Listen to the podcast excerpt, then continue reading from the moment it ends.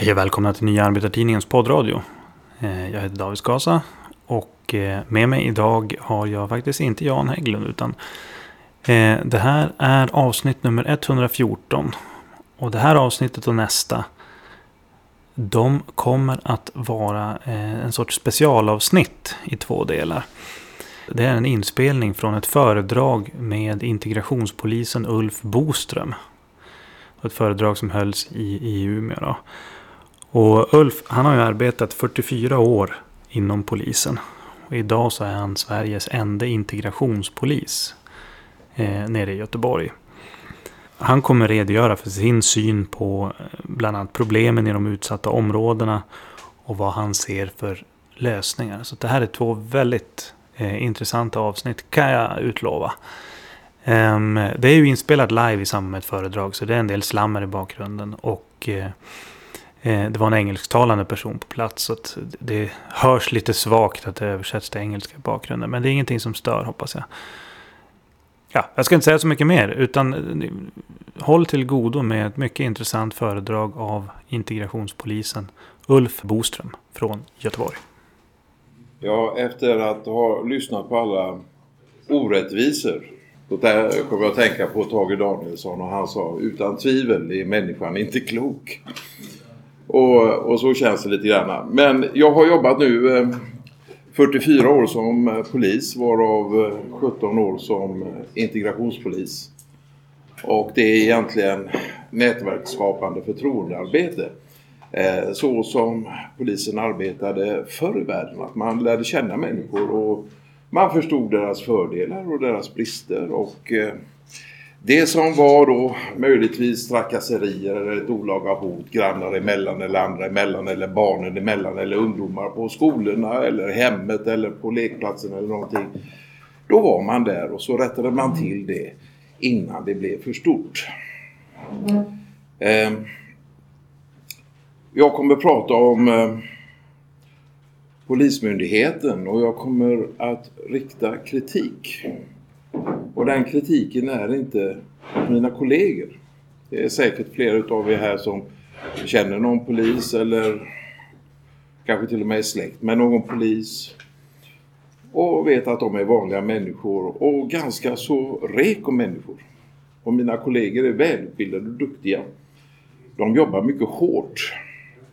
Men systemet, organisationerna, organisationsförändringarna som polisen har gjort har skadat den verksamhet som polisen utifrån lag är tvungen att göra. Eller ska göra. Så låt mig bara kort förklara polislagens första paragraf. Som säger som så här. Som ett led i samhällets verksamhet för att främja rättvisa och trygghet. Vi kan stanna där. Främja rättvisa och trygghet. Och så fortsätter det. Så skall polisen upprätthålla allmän ordning och säkerhet och tillförsäkra medborgarna skydd och hjälp. Det betyder att om man inte längre är på plats så kan man inte upprätthålla den allmänna ordningen. Och man kan heller inte tillförsäkra dem som har blivit trakasserade eller utsatta för brott, skydd eller hjälp. Det har gått så långt så att människor blir tvungna att flytta från den platsen de bodde på, där de blev hotade.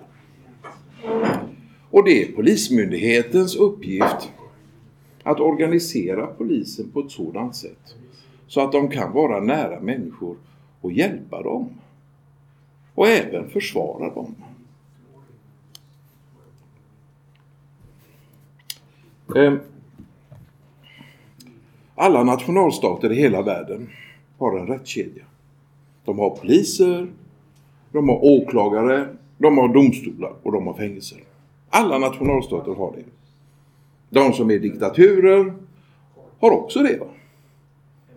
De har sina poliser.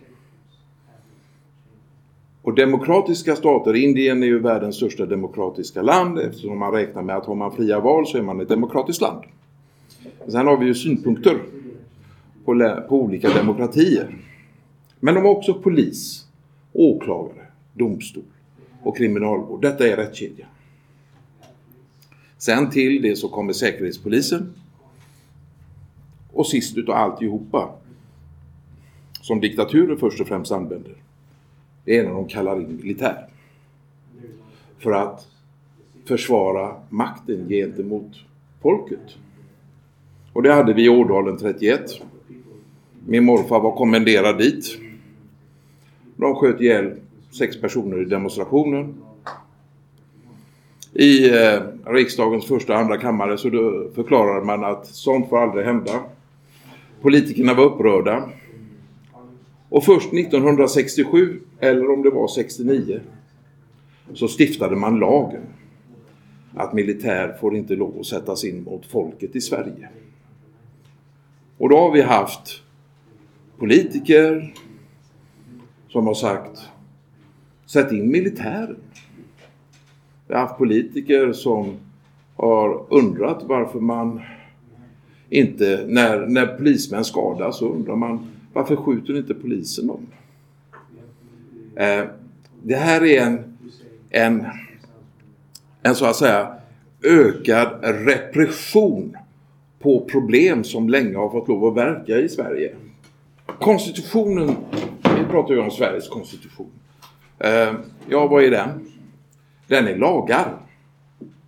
Och konstitutionen byggs upp utav grundlagarna och därefter alla våra lagsamlingar. Och polisen arbetar ju med brottsbalken. Eh, alla de här grundlag, eller de här fyra grundlagarna vi har så är det särskilt regeringsformen som pratar om samhällskontraktet. I andra paragrafen i, eh, i första kapitlet i regeringsformen så pratar man om att det offentliga är ansvarig för att ge möjligheten till arbete, bostad, vård, omsorg, utbildning och trygghet. Tryggheten i det här fallet utgörs utav rättskedjan men sen pratar man också allmänt om trygghet, nämligen trygghet i de olika systemen som bygger upp konstitutionen. Så konstitutionen blir utav kött och blod utav medborgare som har utbildat sig för att serva och tjäna medborgarna i landet. Vad har då hänt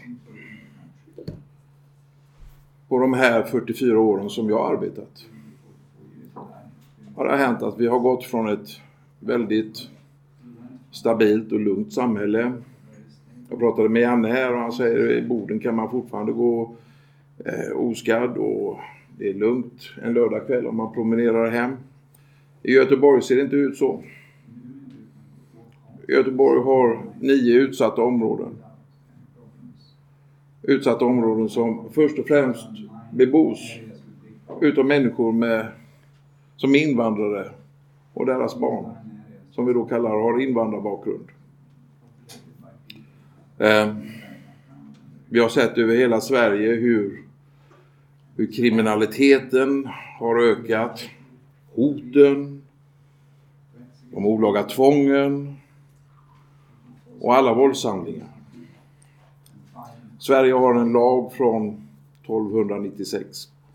Den kallas för Upplandslagen. Den säger att land ska med lag styras och ej med våldshandlingar. Och flyttar vi över den till demokrati så ska land styras med lag och ej med fysiska eller psykiska eller sociala våldshandlingar. Och sociala våldshandlingar är det kapital som staten äger för att se till att människor följer lagen.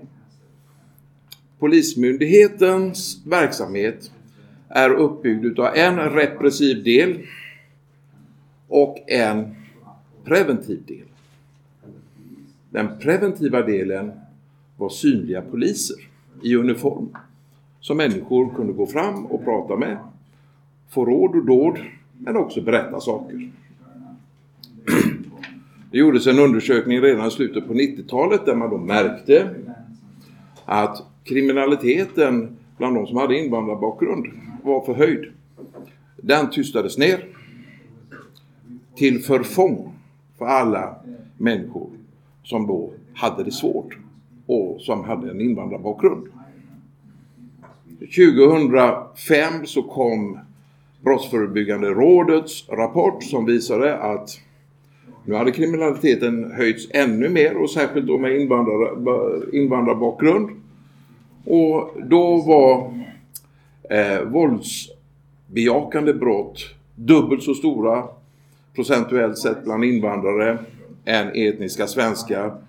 Och eh, våldtäkterna var fyra gånger så höga jämfört med etniska svenskar. Och eh, eh, den här eh, eh rapporten fick Brå bannor för. Fick inte lägga ut den. Återigen till förfång vad man skulle göra och hur man skulle motverka det hela. Eh, staten eh, begärde en offentlig utredning. Eh, och det var Masoud Kamali som han, om jag får upp den, var Masoud Kamali som gjorde den. Och där beskriver han, som ni ser här va. Detta gör att samhällets repressiva institutioner Institutionerna är alltså de delarna som ingår i rättskedjan får allt större utrymme för att bekämpa konsekvenserna av ökande segregation och motsättningar.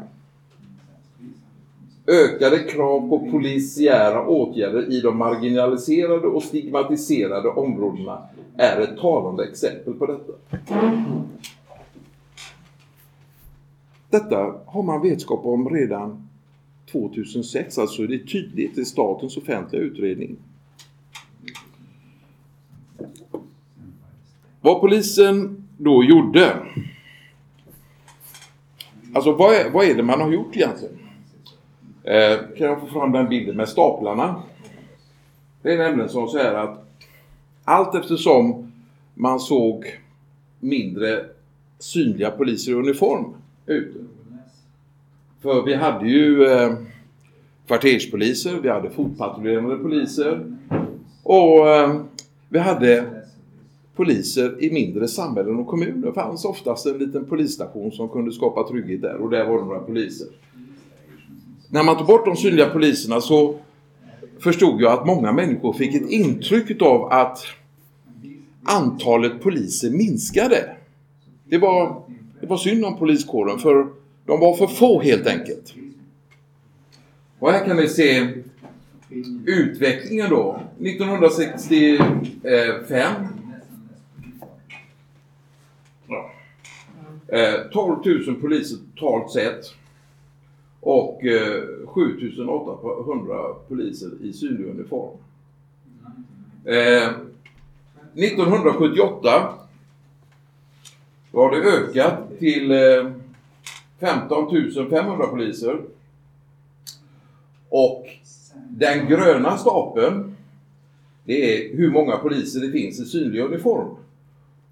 Och den röda stapeln är hur många av de poliserna som är ute. Och då ser ni att det är 8000 drygt där va. Och så går vi till 2015. Eh, otroligt mycket mer poliser. Eh,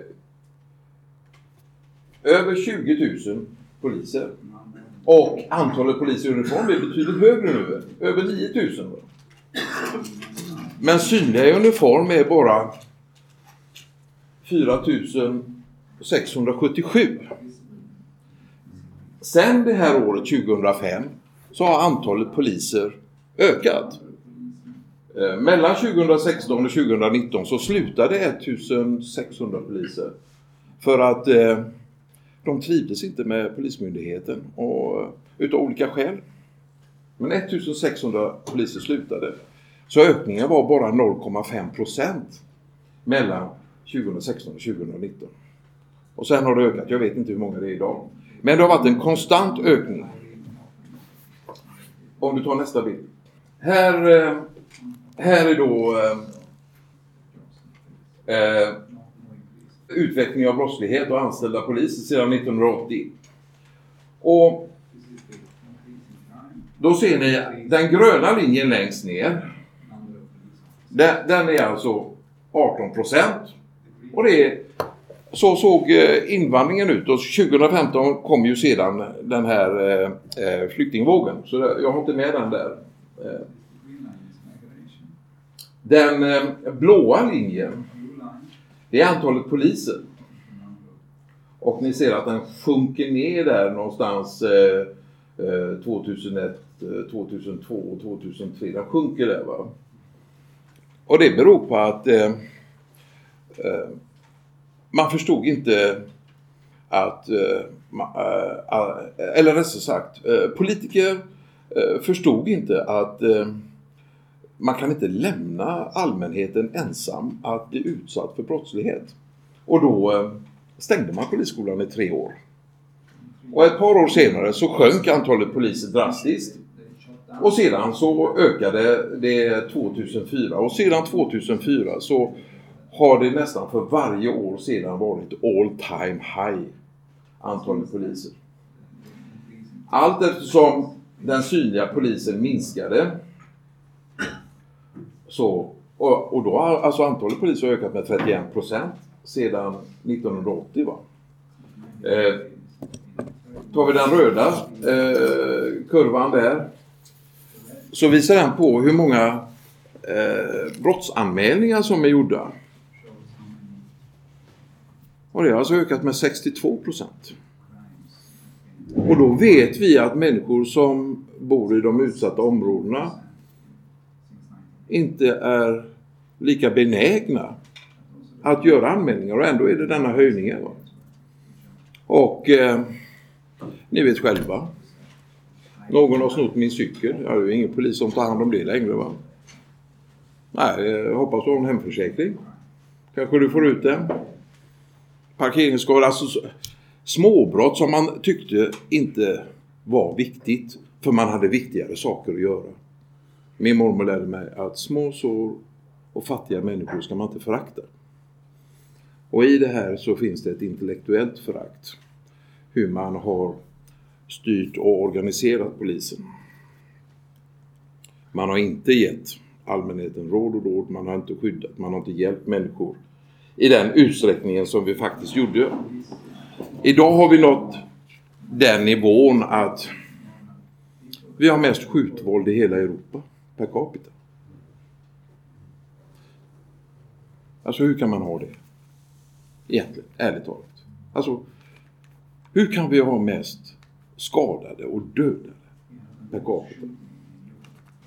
Ehm,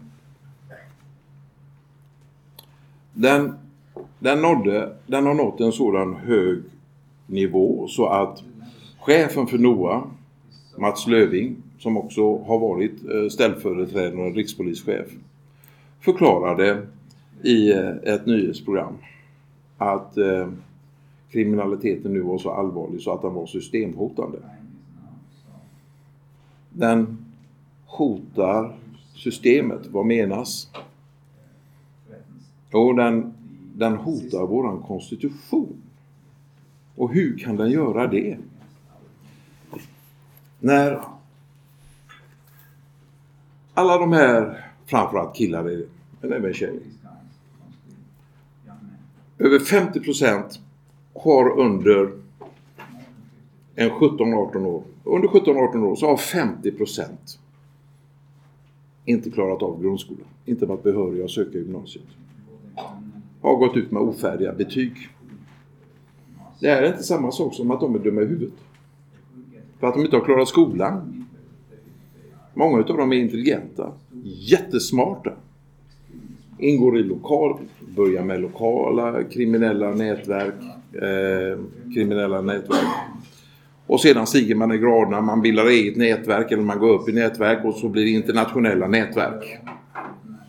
Några av de här nätverken förklarar Mats Löving som eh, eh, kriminella familjenätverk eller, eller klaner. 40 stycken utav dem. Jag går hem till en del av de här, sitter och pratar med dem. De kanske tänker kriminalitet ofta men eh, eh de gör inte kriminalitet 24-7. Det finns en möjlighet att prata med dem. Men jag är ensam, jag har ingenting att sätta emot. Och eh, när man då pratar om hotet, systemhotande verksamhet, så är det inte bara, så är det inte bara små barn och ungdomar man klämmer åt. Eh, låt mig ta det här lite snabbt. Vi tar en klan. Eh, männen är ledande i klanen och de äldre männen de har, de har den eh, eh, största mandatet att styra. Den styrs utav patriarkala hedersstrukturer. Eh, I det så ligger också, om de religiösa lagarna passar ihop med de patriarkala strukturerna så, så förstärker det eh, vad man måste göra i klanen. Och klanen kan man se som en stor familj. Ni som är pappor och mammor här tar lång tid för er innan ni går till polisen för att anmäla er egna son eller dotter för att den har gjort något brott. Försöker lösa, lösa det på något sätt. En klan är som en stor familj som bara försöker lösa det. Så att det inte blir för mycket problem. Och då finns det klanledare som går till andra klaner och löser de här problemen och tar pengar för det också. Det som då, om man nu är en kriminell klan, det som gynnar det är givetvis narkotika, man tjänar mycket pengar på det. Och eh, utpressning. Jag vet flera affärsidkare och de är i princip nästan allihopa invandrare. Invandrarrelaterade affärsverksamheter pressas på pengar. När jag pratar med en som han fortfarande är aktiv så att säga men eh, eh gör inte själv så väldigt mycket utåt sett kriminalitet. Och jag frågar honom hur många, hur många utav våra invandrarrelaterade affärsverksamheter här i Göteborg tror du att eh, är, är, är pressas på pengar? Mellan 20 och 40 procent, säger han. Eh, de har ingenstans och Vem ska de berätta det för? Polisen? Går inte. Om de berättar för polisen, vem ska skydda dem? Polisen? Vi finns ju inte där.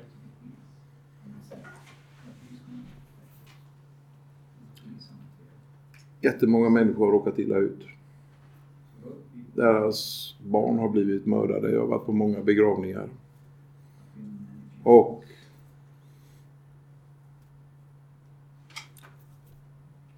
män har blivit mördade. Fruarna står ensamma.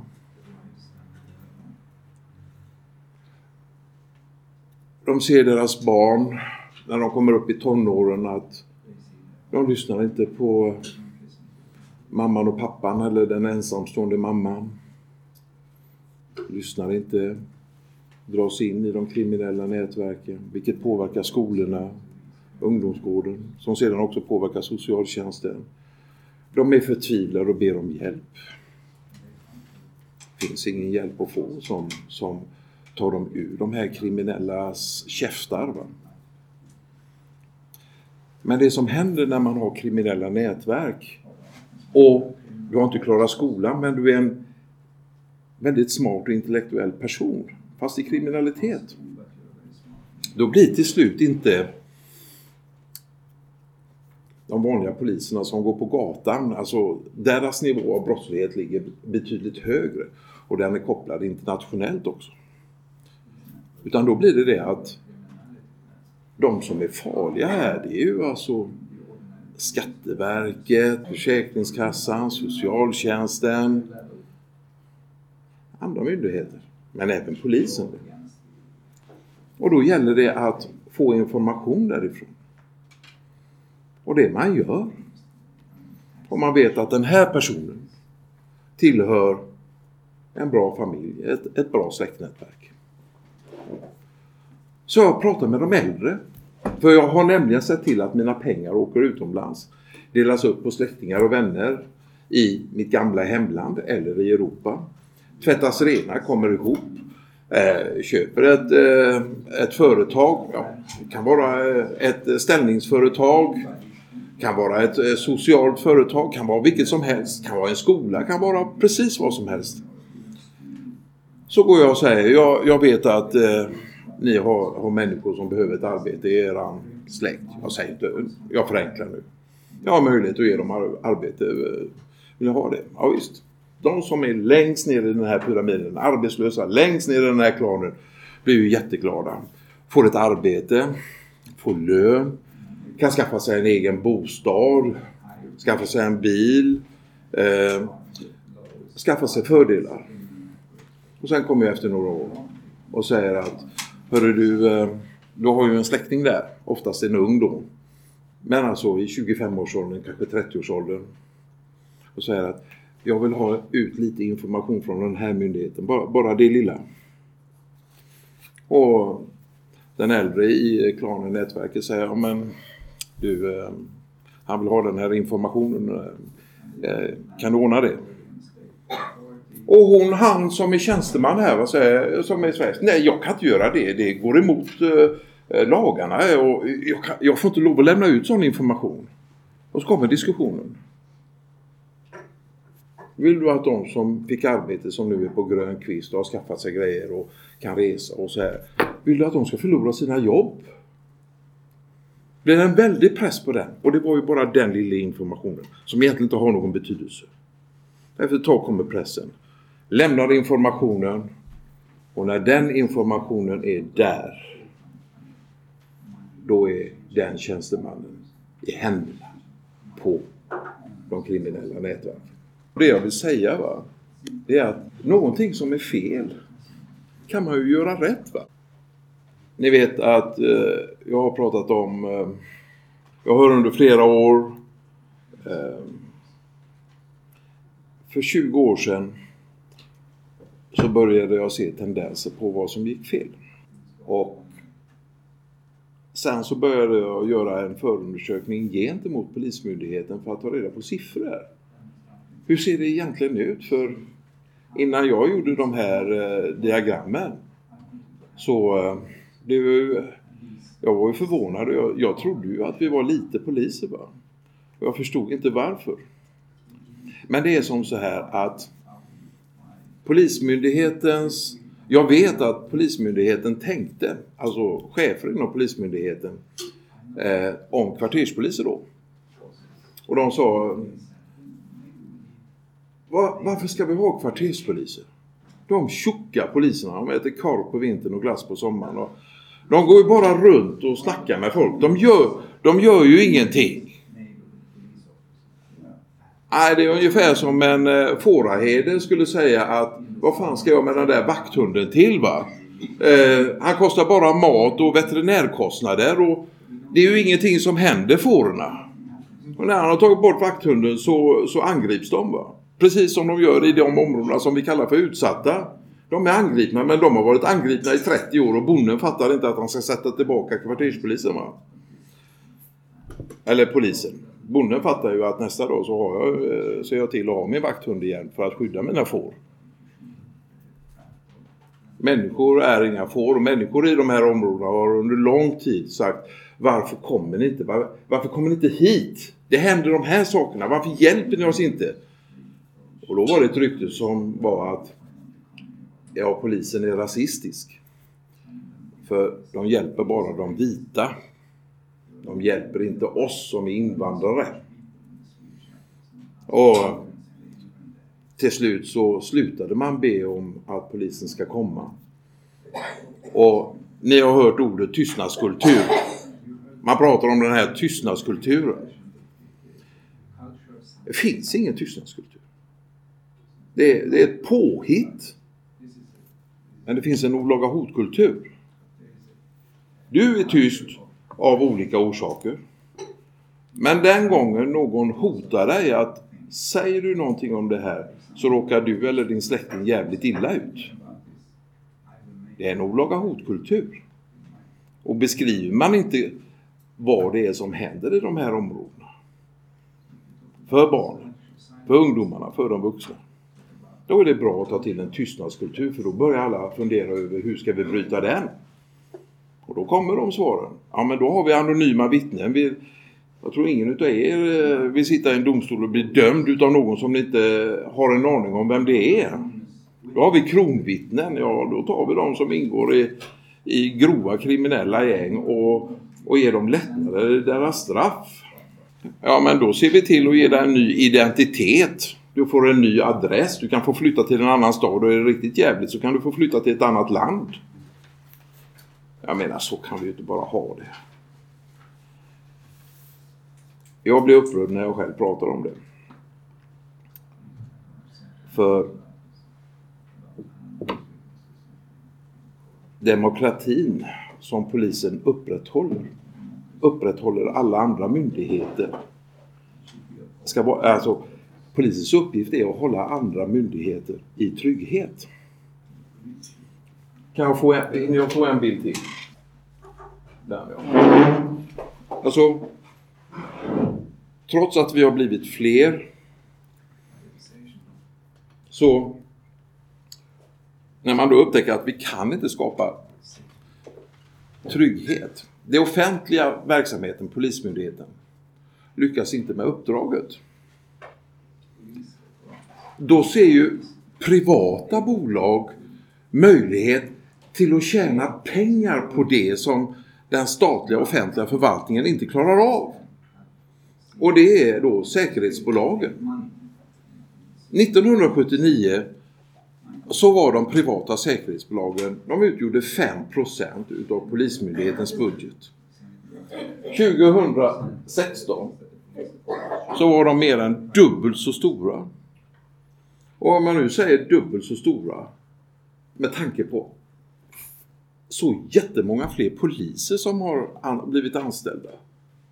Jag menar, Sverige och våra städer borde vara supertrygga. Va? Men det finns en fara i detta. Det finns en stor fara för att det här innebär, när man gör fel så kostar det pengar. Och rättskedjan nu, säger, politiker säger, ska bli dubbelt så mycket poliser. Varför då? Ska bli åklagarväsendet behöver växa dubbelt så mycket. Domstolarna behöver bli dubbelt så stora. Kriminalvården behöver bli mer än dubbelt så stora. Det behövs mer än dubbelt så många SIS-anstalter och HVB-hem. Alltså, när man försvarar bristerna och felen i, en, i rättskedjan och framförallt första länken och Polismyndigheten så innebär det också gigantiska kostnader för samhället. Och eh, nu när jag har blivit så gammal så, så känner jag ibland att eh, nej, varför bråka mer med det här? Men när Janne bad mig komma hit och eh, eh, berätta vad jag känner till, vilket hade tagit många timmar att berätta. Men, men, men det jag vill säga till er, gör man rätt va? så går det att rätta till det här. Människor kan återfå tryggheten. Och när människor återfår tryggheten så kommer kunskapen, skolorna att fungera. Då behöver socialtjänsten inte ordningsvakter på kontoret. Då behöver skolorna inte ordningsvakter i skolorna för att leta efter vapen och knivar och skit. Då behöver inte våra sjukhus ha ordningsvakter i akutintagen. Och givetvis inte heller våra bibliotek i Göteborg som har ordningsvakter. Hur nu ett bibliotek kan behöva ordningsvakter. Ja, det är för att de gömde knark i vissa böcker. De läste inte böckerna men de visste vilken sida de skulle hitta skiten på. Det här går att lösa. Och eh, Janne kommer ställa mig frågor och jag ska svara på hur man löser det. Och det är inga konstiga saker som ska till. Det är egentligen ganska så enkelt. Alla de människorna som jag pratar med jag vet inte hur många jag har pratat med men alltså under de här 17 åren så är det otroligt mycket människor. Framförallt människor med invandrarbakgrund. Och som jag berättade för dig, Berhane, alltså över 184 olika nationaliteter. De människorna har en dröm om Sverige, om demokrati, att få leva i fred och frihet och inte krig och jävelskap och bomber. Va? Men det har blivit än värre och dessutom stigmatiseras många av de här människorna. Där vi svenskar så att säga visar på, kanske inte menar något illa, men vi visar på okunskap Vi visar inte på genuint intresse. Eh, vi är också rädda. Så många flickor som, eh, som jag har träffat som, som självmant har önskat att ta på sig en slöja. Där gubbar på spårvagnen eller bussarna river av hennes kläder. Eller eh, river av slöjan. Får dåliga blickar. Det finns till och med tjejer som gör uppror mot sina föräldrar. Som inte vill att det ska vara slöja på. Men då tar de på sig slöjan för att jävlas med föräldrarna. Det finns hur många olika varianter. Och de flesta människorna i Sverige skulle jag säga, om inte alla, är ganska goda människor. Polischeferna, jättetrevliga om ni pratar med dem. Politiker som kommer hit är trevliga. De är trevliga. Det är egentligen bra människor. Men våran kunskap om hur vi bedriver våra offentliga verksamheter är många gånger påver. Och vi förstår inte varför de här myndigheterna som vi i förtroende ger våra skattemedel inte klarar av uppgiften. Men det här, som jag säger, det här går att lösa och jag är väldigt glad för att få komma hit och ge min sida utav saken. Så jag slutar dig. Då får du ställa dina frågor.